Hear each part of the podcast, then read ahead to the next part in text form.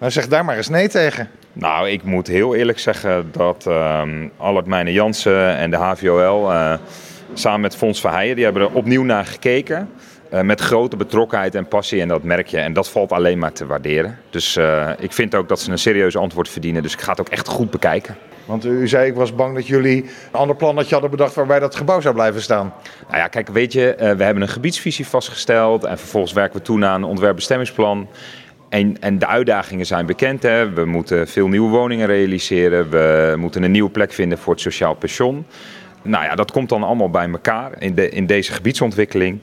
Uh, en wij zagen geen uh, mogelijkheid tot behoud van dit kunstwerk. En deze mensen met hun kennis en kunde zijn er nog opnieuw een keer naar gaan kijken. Met heel veel passie. Dus uh, dat verdient een serieuze blik en dat ga ik zeker doen.